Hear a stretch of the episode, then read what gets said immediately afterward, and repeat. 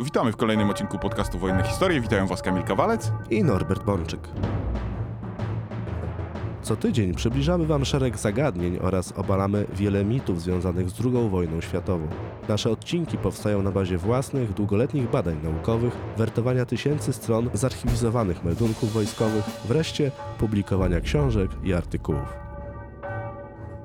Ten podcast istnieje dzięki zaangażowaniu i niezwykłej hojności naszych patronek i patronów, za co im bardzo dziękujemy. Jeżeli Ty też uważasz, że warto zostać naszym patronem, możesz wesprzeć nas wpłatą w serwisie Patronate pod adresem patronate.pl łamane na podcast Wojenne Historie. Norbert, do tłumienia powstania warszawskiego Niemcy wykorzystywali zbieraninę najprzeróżniejszych wojsk z całej Rzeszy, dysponujących całą gamą czasem prototypowych środków walki, ale wydaje mi się, że chyba najbardziej spektakularnym z nich był wielki, olbrzymi moździerz Karl Gerard. Jest to broń, która w jakiś sposób obrosła legendą, chociażby ze względu na swój olbrzymi kaliber. Ale co my tak naprawdę wiemy o tym moździerzu i jego użyciu w czasie powstania warszawskiego? Rzeczywiście, jeżeli przywołujemy powstanie warszawskie w kontekście użycia przez Niemców różnych nietypowych środków walki, to oblężniczy moździerz samobieżny Karl Gerard będzie wysuwał się na pierwszy plan z racji nie tyle efektywności, co efektowności tej broni. To znaczy mówimy o olbrzymim samobieżnym moździerzu stworzonym przecież do oblęgania twierdz, więc ten moździerz jest symbolem tej niemieckiej przewagi ogniowej, tej potęgi, którą Niemcy rzucili na bezbronne w gruncie rzeczy miasto. Ale jednocześnie tak nie jest. To znaczy, to jest taki symbol niemieckiej przewagi i z drugiej strony w jakimś zakresie paradoksalnie symbol niemieckiej słabości, czy może nie słabości, ale pewnego niedołęstwa systemowego, o którym dzisiaj trochę powiem, a jednocześnie to twoje pytanie. Co my tak naprawdę wiemy o tym moździerzu? Jest wbrew pozorom niezwykle trafne i odpowiedź na to pytanie jest niezwykle ciekawa. Norbert, nie jest tajemnicą, że tematyka zarówno powstania warszawskiego, jak i tego, co działo się w Polsce latem 1944 roku, jest szczególnie ci bliska. Masz przecież na koncie publikacje dotyczące chociażby środków walki użytych w czasie powstania warszawskiego, gdzie wspominałeś na przykład o Karlu Geracie. Czy ta broń w jakiś sposób jest dla ciebie jeszcze tajemnicza? Tak, ta broń jest dla mnie cały czas tajemnicza i tutaj David Irving, którego jako historyka absolutnie niestety, muszę to powiedzieć ze smutkiem, nie cenię, jest jednak autorem bardzo trafnej frazy. Otóż Irving powiedział kiedyś, że historia jest jak drzewo, cały czas rośnie. I to jest prawda. Ja specjalizuję się w niemieckich specjalnych środkach bojowych w kontekście powstania warszawskiego i cały czas, mimo wielu lat spędzonych w archiwach nad tym zagadnieniu, cały czas się czegoś uczę. Ale Karl Gerard jest niezwykle ciekawym studium przypadku, dlatego że zadałeś to właśnie pytanie, co my wiemy o, o Karlu Geracie i co my wiemy o Karlu Geracie w kontekście powstania warszawskiego.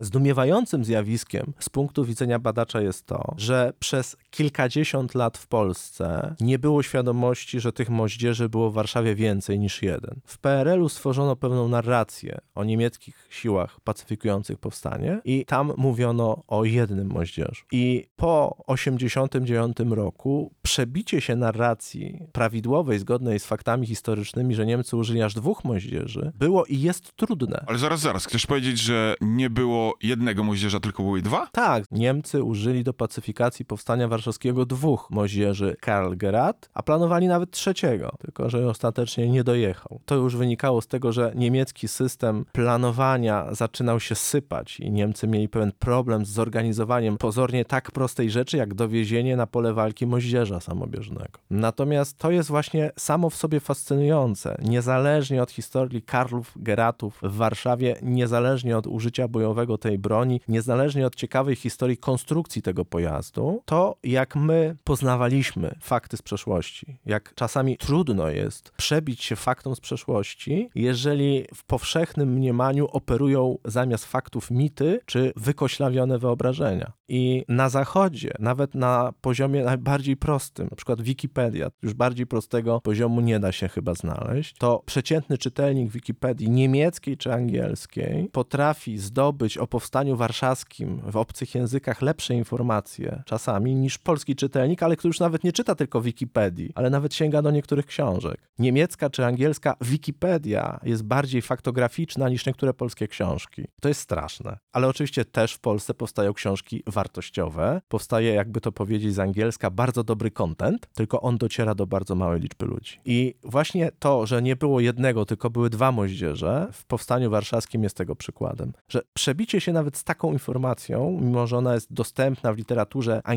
angielskojęzycznej od ponad 20 paru lat, jest trudne, bo wybitny badacz niemieckiej broni pancernej Thomas Jens, on już w roku 2001 opublikował taką niewielką broszurę, gdzie opisał skonstruowanie przez Niemców moździerzy samoobieżnych Karl Gerard. On, jak prawdziwy fachowiec, oparł się na materiałach archiwalnych i od 20 paru lat było wyraźnie powiedziane, ile tych moździerzy było w Warszawie. Kiedy przyjechały, wystarczyło tylko ja zajrzeć do dokumentów niemieckiej dziewiątej armii, gdzie to wszystko jest rozpisane. I nasi historycy opisujący powstanie warszawskie też zaglądali do dokumentów dziewiątej armii, ale zaglądali w sposób wybiórczy. Nie potrafili ogarnąć pewnych zagadnień w rozumieniu systemowym, co nie było problemem tak naprawdę zbyt dużym. W takim razie wyciągnijmy z mroków niewiedzy tego Karla Gerata, bo już to, co powiedziałeś na wstępie, jest dla mnie bardzo ciekawe, że był to moździerz samobieżny, czyli to nie było żadne działo kolejowe, moździerz kolejowy, czyli dobrze rozumiem, że był to olbrzymi moździerz, który mógł się przemieszczać, że tak powiem, o własnych siłach, przy pomocy własnego napędu? Tak, dokładnie. To był moździerz samobieżny, dlatego że olbrzymim problemem ciężkiej artylerii jest jej ograniczona mobilność. Wielkie armaty, wielkie haubice transportuje się na pole walki w częściach. Składa się je dopiero na pozycjach ogniowych, co powoduje, że wielkie działa są łatwe do namierzenia. Trudno zmieniać zmieniają pozycję powoli. Są narażone na ogień kontrbateryjny. No,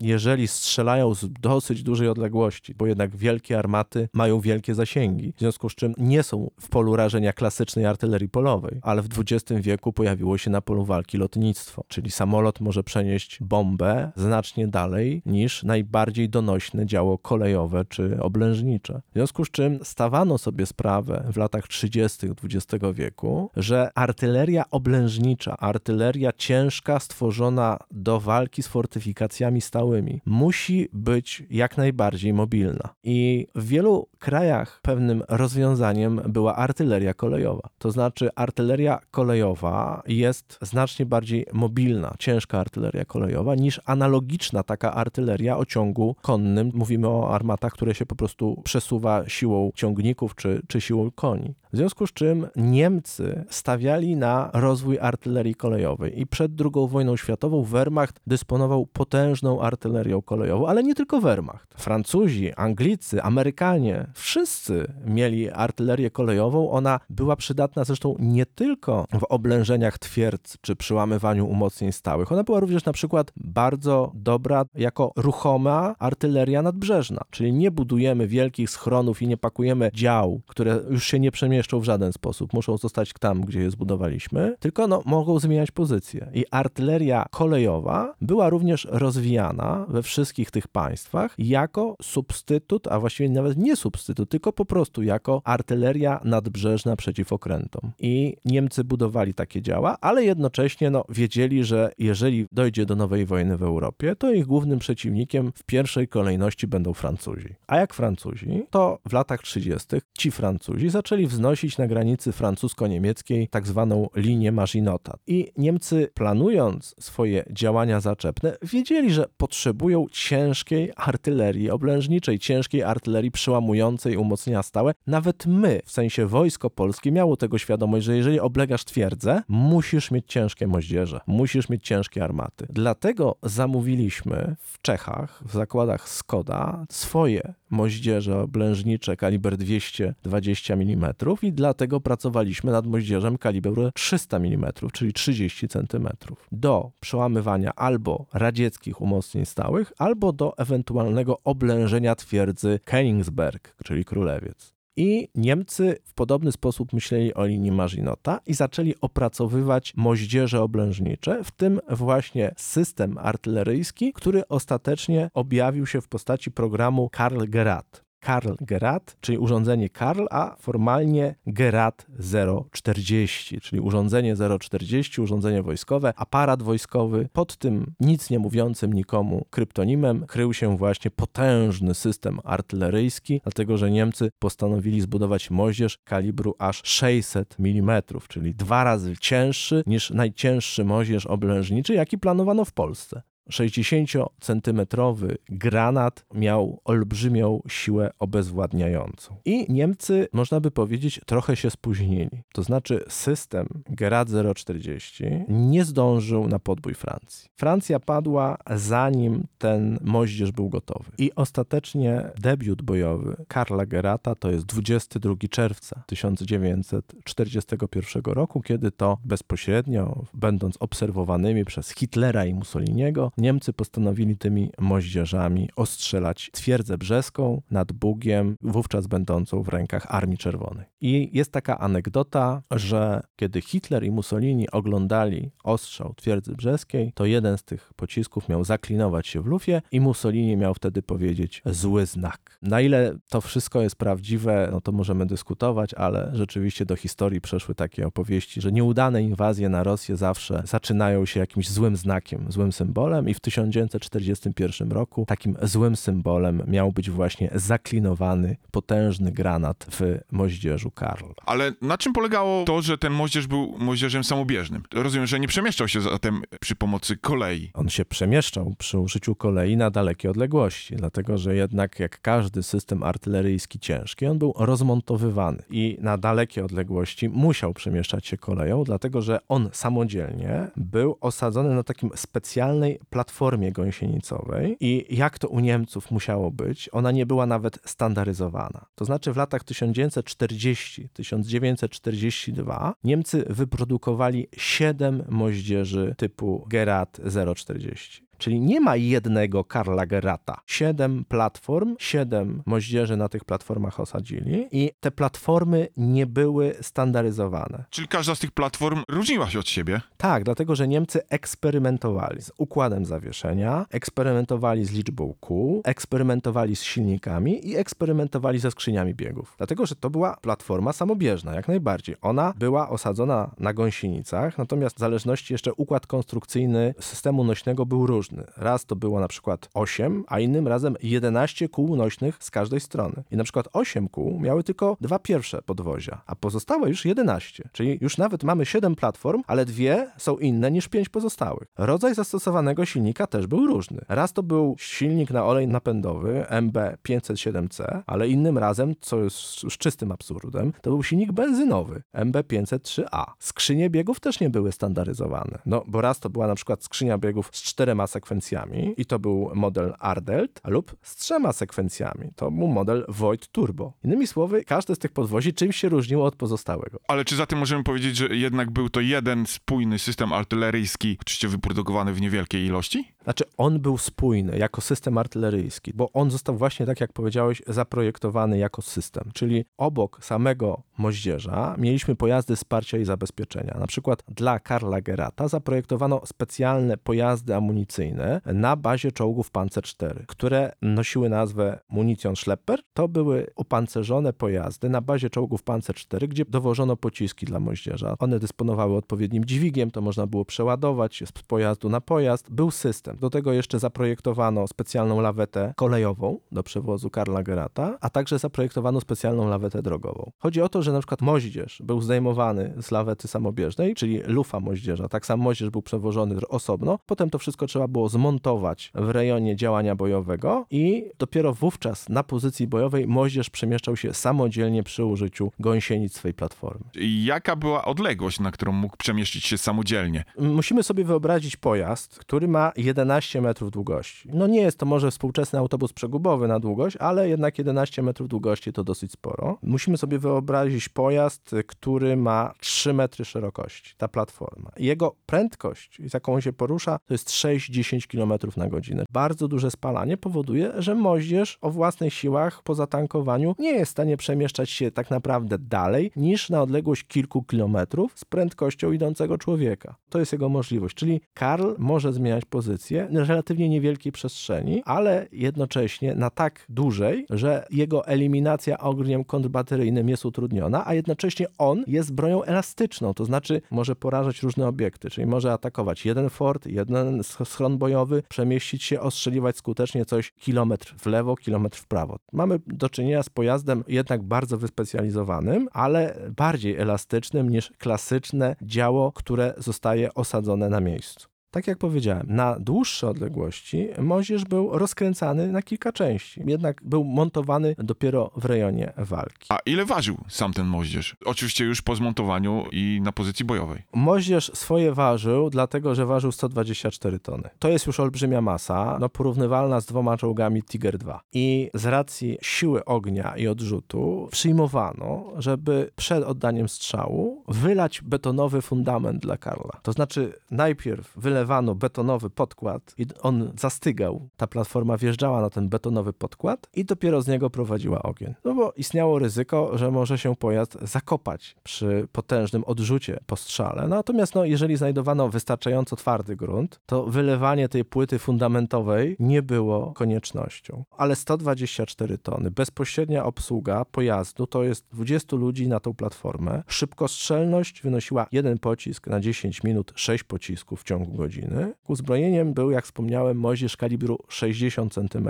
To był Mercer L845, czyli z tej już nazwy możemy wywnioskować, że to był moździerz niezwykle krótkolufowy. To po prostu była bardzo krótka lufa, natomiast miotała potężne pociski, głównie przeciwbetonowe naboje 60 cm, szferę, beton granatę 0,40. Każdy z takich pocisków miał masę nieco ponad 2 tony. Masa ładunku wybuchowego wynosiła 280 kg, bo to też musimy o tym zawsze pamiętać, że masa pocisku nie jest równa przecież masie materiału wybuchowego. 280 kg materiału wybuchowego, no to można by powiedzieć, że jakby zrzucić bombę 500 kg. Tylko był pewien problem, no bo jeżeli pocisk waży 2 tony, a moździerz jest krótkolufowy, to połączenie tych dwóch elementów sprawia, że zasięg takiego moździerza będzie bardzo mały. I te szfery beton granatę 0,40 można je było miotać tylko na odległość 4,5 km. To niedużo. I to też jest przyczyna, dlaczego moździerz musiał być samobieżny, bo on zbliżał się do celu, w związku z czym wchodził w sferę ognia kontrbateryjnego zwykłych środków walki, zwykłych systemów artyleryjskich. Normalna haubica, normalna armata może strzelać na 10 km. Jeżeli Karl Gerard byłby moździerzem stacjonarnym, to jego ryzyka porażenia ogniem kontrbateryjnym byłoby o wiele większe. On po prostu był gąsienicowy, bo miał podejść na pozycję, oddać strzał i się wycofać przed pojawieniem się ognia kontrbateryjnego. I Niemcy nie byli do końca z tego zadowoleni. Nie byli zadowoleni z tego, że pocisk jest ciężki, lufa jest krótka, w związku z czym zasięg jest mały. To co można zrobić w tym wypadku? Po pierwsze, wydłużyć lufę. Po drugie, odchudzić granat. No i właśnie tak Niemcy zrobili. Niemcy stworzyli zmodernizowaną wersję Karla Gerata, nazwali go Gerat 041. On miał znacznie dłuższą lufę, ale o nieco mniejszym kalibrze 54 cm.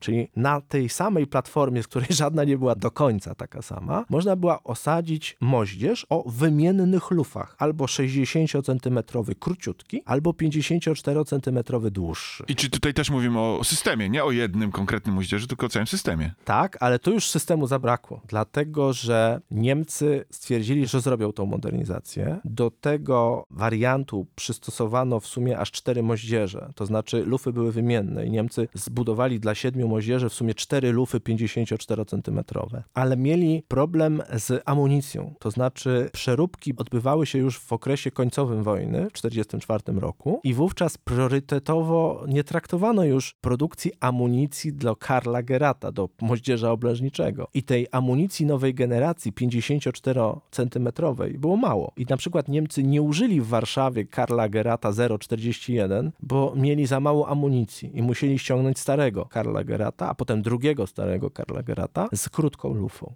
ale niezależnie od długości lufy odchudzili również sam granat. I pojawił się tak zwany lekki granat przeciwbetonowy 0,40 o masie 1700 kg. No, lekki w rozumieniu tego systemu, dlatego że to już nie było 200, dokładnie 2170 kg w granacie, tylko 1700 kg, a masa ładunku wybuchowego to już nie było 280, tylko 220 kg. Ale za to zasięg wzrósł do 6,5 km.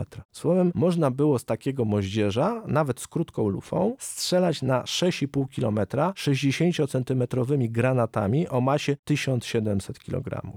I akurat w powstaniu warszawskim Niemcy raczyli nas właśnie przede wszystkim tymi 1700 kilogramowymi lekkimi granatami przeciwbetonowymi 0,40. A jak wyglądała służba frontowa tego systemu? On debiutuje w czerwcu 1941 roku. Niemcy używają w pasie 4 Armii i 17 Armii takich moździerzy. Druga bateria z e, ciężkiego armijnego dywizjonu artyleryjskiego numer 833, ona bierze udział w ostrzeliwaniu Brześcia. To jest 22-24 czerwca 1941 roku, ale nie odniesiono tam specjalnych sukcesów. Już abstrahuję od tej, trudno powiedzieć na ile prawdziwej historii o słowach Mussoliniego, że zaklinowany pocisk to jest zły omen, ale no to obrężenie Brześcia nie było jakoś specjalnie udane dla drugiej baterii 833 dywizjonu. W większej mierze karle były używane oczywiście w czasie oblężenia twierdzy Sewastopol. Właściwie tam były używane tak jak należy. Do tego stworzono właśnie karla, do ostrzeliwania twierdzy. I wiosną 42 roku rzeczywiście na przykład ostrzeliwując fort Maksym Gorki 833 dywizjon odniósł wyraźne sukcesy. Twierdza sewastopolska była potężnie obwarowana, ale została przez Mansteina zdobyta, między innymi właśnie dzięki wsparciu ciężkiej artylerii oblężniczej. Więc wiele niemieckich systemów, które nie zdążyło na linię Marzinota, zdążyło na Sewastopol. Potem planowano użycie 833 dywizjonu w oblężeniu Leningradu, ale do tego nie doszło. Właściwie można by powiedzieć, że po walkach o Sewastopol dobre cele dla Karlów Geratów się skończyły. Znaczy rzeczywiście oblężenie Leningradu byłoby zasadne. Niemcy przestali prowadzić wojnę ofensywną, stopniowo przechodzili do defensywy strategicznej. W defensywie strategicznej ciężkie moździerze oblężnicze są mało przydatne, by nie powiedzieć, że są zgoła w ogóle nieprzydatne.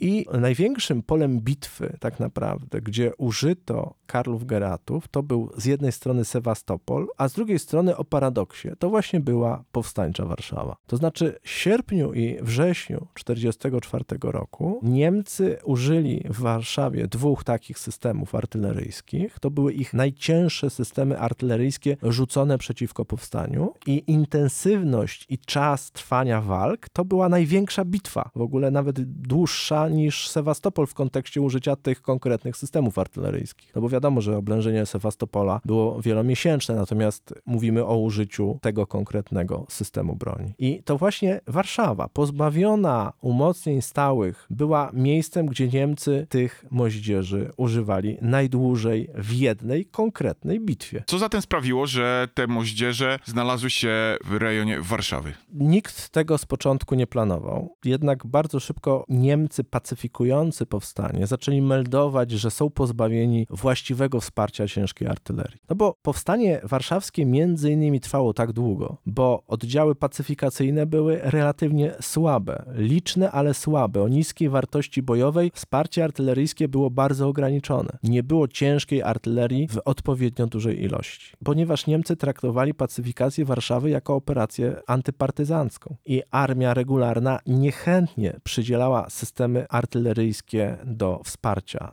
walk o miasto, ponieważ każda armata i każdy pocisk potrzebny były na froncie regularnym do walki z Armią Czerwoną, która, jak nasi słuchacze wiedzą z innych odcinków, bynajmniej nie odpuszczała, tylko cały czas atakowała Niemców, więc Niemcy nie mieli za bardzo jak podsyłać do Warszawy dużej ilości ciężkiej artylerii. Ale tak nietypowy system jak Kargerat mógł się w Warszawie przydać. I już 13 sierpnia 1944 roku generał pułkownik Heinz Guderian, wówczas szef sztabu generalnego wojsk lądowych, zażądał, żeby do pacyfikacji Warszawy skierować nowoczesny moździerz Gerat 041, czyli ten o dłuższej lufie kaliber 54 cm.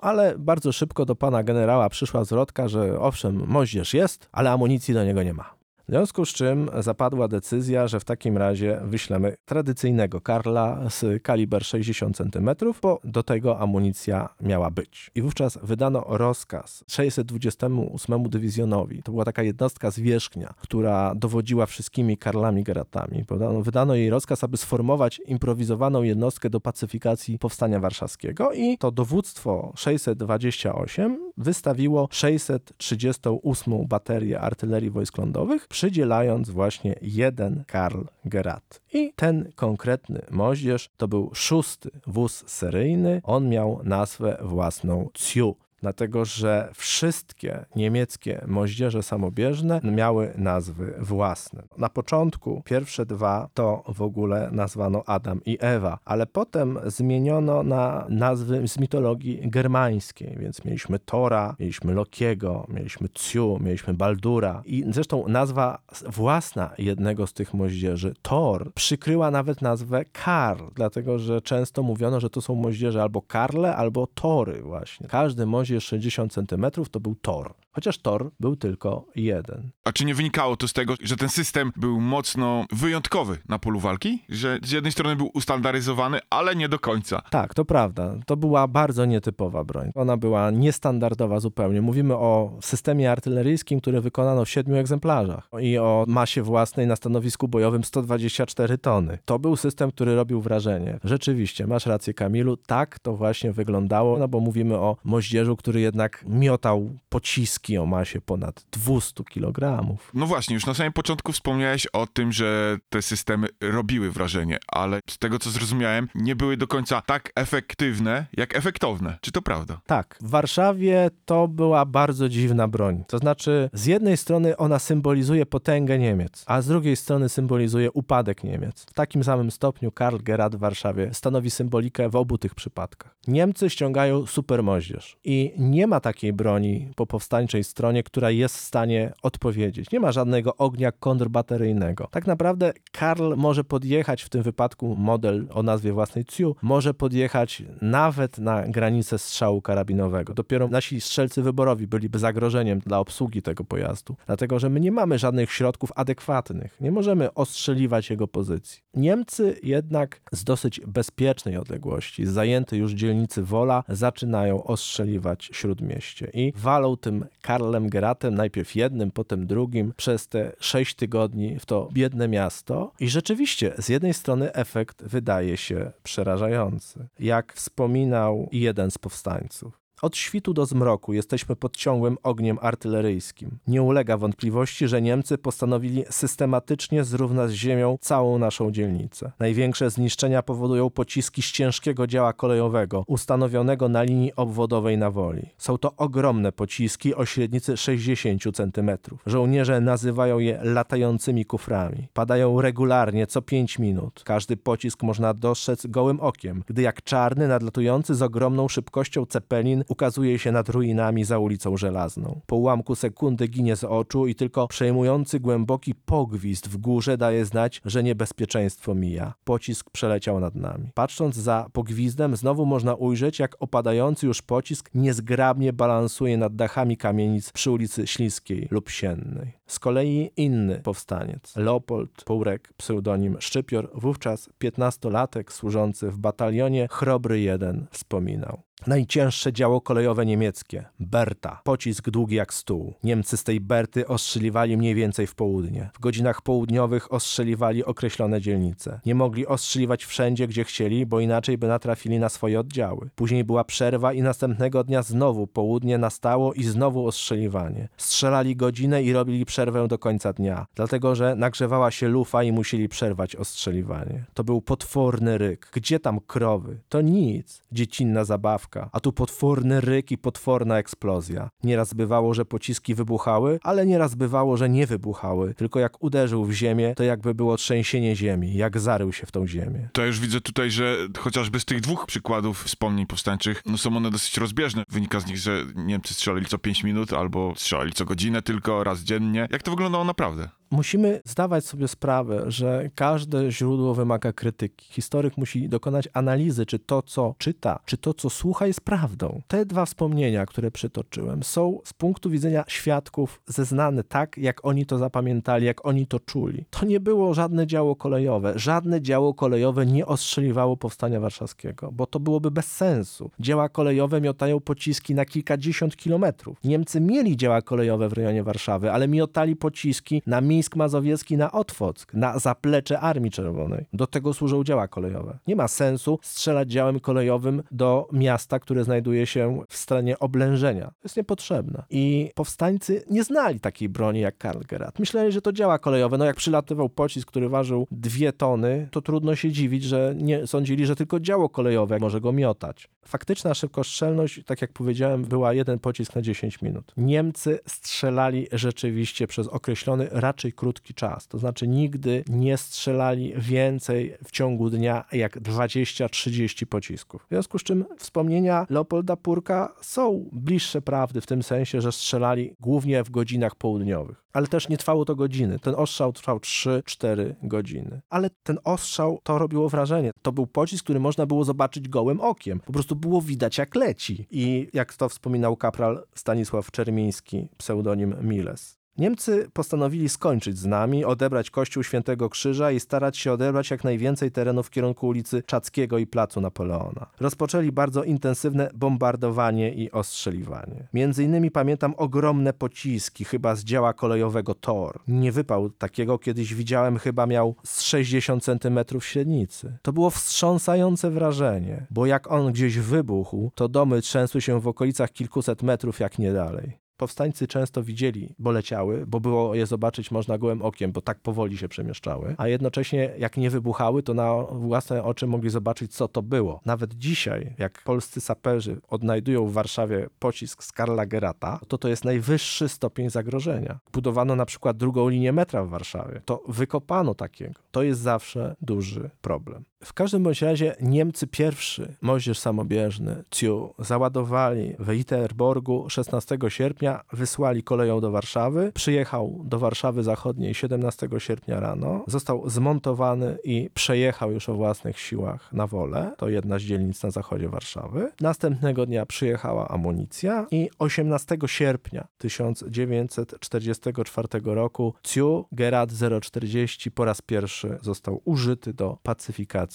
powstania warszawskiego. A co miałeś na myśli, mówiąc, że z jednej strony był to oczywiście symbol potęgi z racji tego swoich rozmiarów, kalibru, wagi i tym podobnych, ale z drugiej strony powiedziałeś, że był to symbol słabości Niemiec. Dlaczego? Z dwóch powodów. Po pierwsze, wysłanie moździerza samobieżnego do pacyfikacji miasta jest głupotą, dlatego że to jest broń niezwykle sprofilowana. Celem są stropy żelbetonowe wielometrowej grubości. Celem są kopuły pancerne. To jest broń do niszczenia najtwardszego przeciwnika. A tutaj kazano obsłudze CIU strzelać w miasto. I granaty przeciwbetonowe mają tendencję do tego, że w kontakcie z materiałem miękkim nie wybuchają. Zapalnik się nie uzbraja, ponieważ struktura przedmiotów, przez które pocisk przelatuje, jest niewystarczająco twarda. I już 18 sierpnia 1944 roku myśmy to zobaczyli, dlatego że na Woli on stał w parku imienia generała Sowińskiego. To jest park na Woli, który znajduje się mniej więcej 5 kilometrów od ścisłego śródmieścia warszawskiego. I na ścisłe śródmieście warszawskie w rejonie dzisiejszego placu powstańców Warszawy były miotane pierwsze pociski z Karla. I 18 sierpnia na ulicy Moniuszki doszło do takiej sytuacji, że w lokalu rozrywkowym Adria taki pocisk wpadł do tego lokalu rozrywkowego, który znajdował się w piwnicy kamienicy przy ulicy Moniuszki 10. Tylko zanim ten pocisk z Karla wpadł do tej piwnicy i nie wybuchł, to został wystrzelony w Parku Sowińskiego, przeleciał i był widoczny gołym okiem 4,5 kilometra z zachodu na wschód, wpadł w kamienicę Moniuszki 14, przeleciał przez całą kamienicę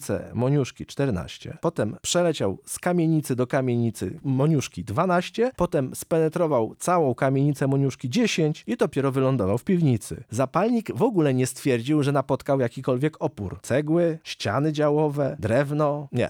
I to rzecz charakterystyczna. Wielokrotne niewybuchy. Cele za miękkie. Wezwano powstańczych saperów. Stwierdzono. Pocisk 170 cm długości. Czyli tyle co człowiek. Co zrobiliśmy my? Zaczęliśmy rozkręcać ten pocisk. Dlatego, że jak to myśmy stwierdzili, 250 kg trotylu w warunkach niedoborów amunicji nie mogło się zmarnować. Z jednego takiego niewybuchu mogliśmy zrobić 25 tysięcy ręcznych granatów półkilogramowych. Czyli Niemcy dostarczali nam w ten sposób amunicję. Walili w nas czymś zbyt mocnym. To było za potężne na Warszawę. I olbrzymia liczba niewybuchów była źródłem środków wybuchowych dla strony powstańczej. A czy Niemcy próbowali sobie jakoś z tym poradzić? Bo, bo zdawali sobie zapewne sprawę z tego, że mają relatywnie olbrzymią ilość niewybuchów. Niewybuchów było relatywnie sporo, ale jednak część zapalników działała i wybuch, detonacja takiego granatu potrafił rozwalić dosłownie całą kamienicę w strzępy. A jeżeli dodatkowo najpierw pocisk przebił się przez wszystkie kondygnacje i wylądował w piwnicy i tam zdetonował, to tym bardziej kamienica zawalała się, bo niszczone były jej fundamenty. Rzecz bardzo zresztą ciekawa, do rozkręcania niewypałów używaliśmy niemieckich jeńców wojennych. I jak sobie Niemcy z tym radzili? Otóż no, Niemcy nie wypracowali w czasie powstania warszawskiego żadnego realnego sposobu na radzenie sobie z niewybuchami. Z początku myśleli, że jest ich nawet relatywnie niewiele. Ale tak jak powiedziałem, my wykorzystywaliśmy jeńców wojennych do rozkręcania niewybuchów. I 2 września 1944 roku padło Stare Miasto. I Niemcy uwolnili na Starym Mieście grupę swoich jeńców, w tym grupę jeńców, która wcześniej brała udział w rozbrajaniu pocisków z Karla. I w ten sposób Niemcy na początku września 1944 roku dowiedzieli się, że coś jest nie tak z tym Karlem. I 9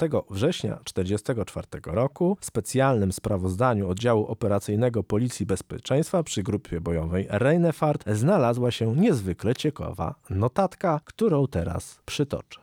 Analiza przesłuchań wykonanych przez Policję Bezpieczeństwa wśród ludności cywilnej, członków AK i żołnierzy niemieckich uwolnionych z niewoli ukazuje, że w strefie walk w Warszawie stwierdza się znaczną liczbę niewybuchów. Dotyczy to zwłaszcza pocisków z moździerzy kaliber 60 cm, Tor i Baldur. Jeden z żołnierzy SS, tu chodzi o SS Rottenführera Erwina Mertengallera, który przebywał w powstańczej niewoli, tu dygresja, miał na sobie mundur żołnierza Wehrmachtu, dlatego przeżył. Po prostu udał to, że jest Wehrmachtowcem, a ukrył to, że jest SS-manem. Zresztą ta informacja trafiła nawet do samego Erisia von den Bacha, bo w jego raporcie jest wspomniane, że uwolniono czterech SS-manów, że to cud, że przeżył jakiś SS-man w polskiej niewoli. Powstańcy rozstrzeliwali SS-manów, policjantów, potem również no, żołnierzy regularnego wojska z Luftwaffe. Natomiast nie rozstrzeliwano żołnierzy z wojsk lądowych Wehrmachtu i nie rozstrzeliwano niemieckich pocztowców. Wracam do meldunku. Jeden z żołnierzy SS, który przebywał w powstańczej niewoli, został tam skierowany do oddziału rozbrajającego takie pociski, a który to oddział kierowany był przez również wziętego do niewoli niemieckiego inżyniera i pirotechnika. Musiał on rozbrajać wyżej wymienione pociski i usuwać z nich ładunek wybuchowy celem dalszego wykorzystania w produkcji granatów ręcznych domowej roboty. Dotychczas prace te z powodzeniem zostały przeprowadzone przy 17 niewybuchach. Inżynier miał przy tym powiedzieć swoim niemieckim asystentom, że z racji aż tak dużej liczby niewybuchów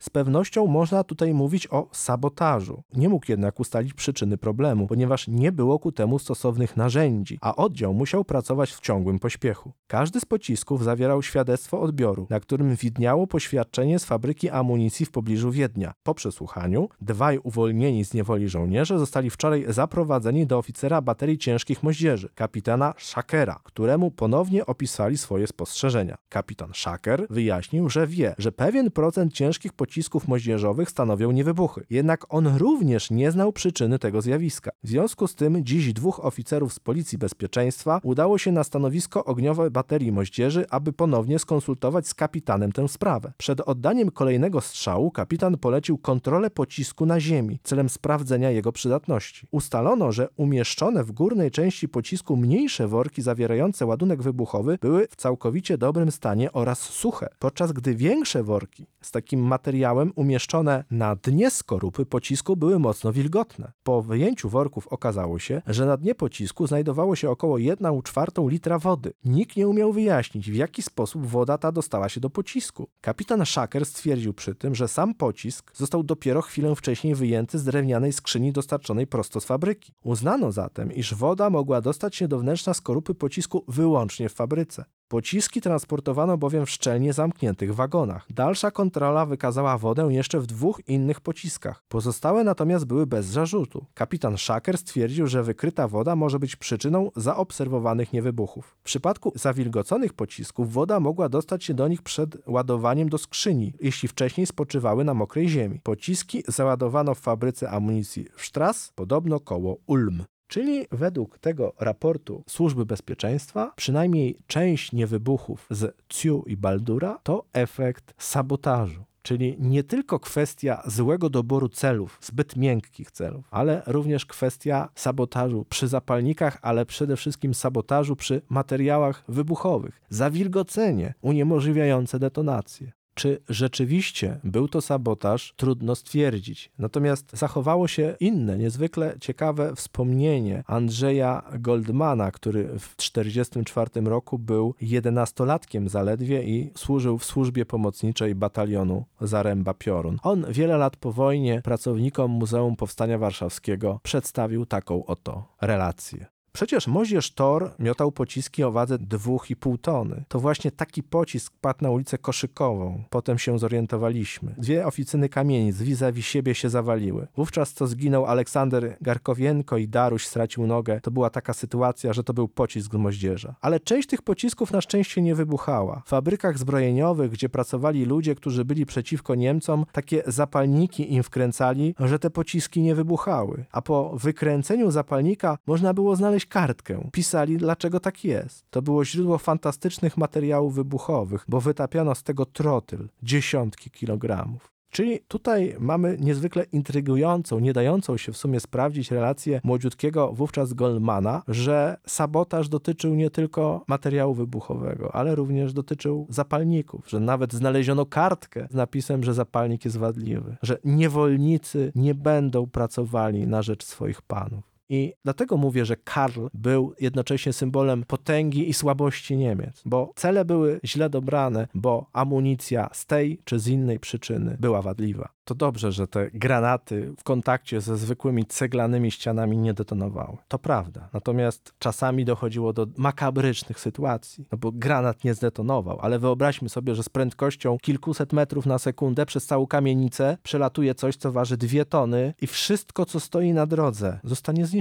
Szafy, ściany, rury kanalizacyjne, to jest nic. Ale jak trafi na człowieka i kiedy Niemcy na przykład ostrzeliwali południowe śródmieście, to jeden z takich pocisków nie wybuchł, przeleciał w poprzek całej kamienicy pod ostrym kątem. Tylko to była kamienica, gdzie odpoczywały nasze sanitariuszki. I niestety ten pocisk po prostu przeleciał przez te sanitariuszki i dokonał straszliwego spustoszenia. Zginęło gwałtowną śmiercią wiele polskich kobiet. W związku z czym miało się szczęście, to się oglądało, o, dziura w ścianie, a nie miało się szczęścia, bo na przykład było się na drodze takiego latającego bolidu. Ale jednak Niemcy w sierpniu byli zadowoleni z moździerza. Nie wybuchał co trzeci, co czwarty pocisk, a reszta robiła straszliwe zniszczenia. I kiedy 19 sierpnia wybuchło powstanie w Paryżu, stwierdzili, że utworzą 428 baterię, dadzą załogę do jednego kolejnego Karla, wyślą do Paryża i niech Paryż też będzie ostrzeliwany tak jak Warszawa. Tylko, że powstanie w Paryżu trwało krótko i 25 sierpnia Niemcy zostali już z Paryża pogonieni. Ale 428 bateria została wystawiona. Skoro nie mogła pojechać do Paryża, to pojechała do Warszawy. I właśnie w ten sposób zjawił się w Warszawie drugi moździerz. 7 września 1944 roku roku o godzinie 12.57 na dworzec Warszawa Zachodnia przybył transport przewożący najstarszy niemiecki moździerz typu Karl, czyli kiedyś Adama, dzisiaj Baldura. I w ten sposób Baldur dołączył do Ciu.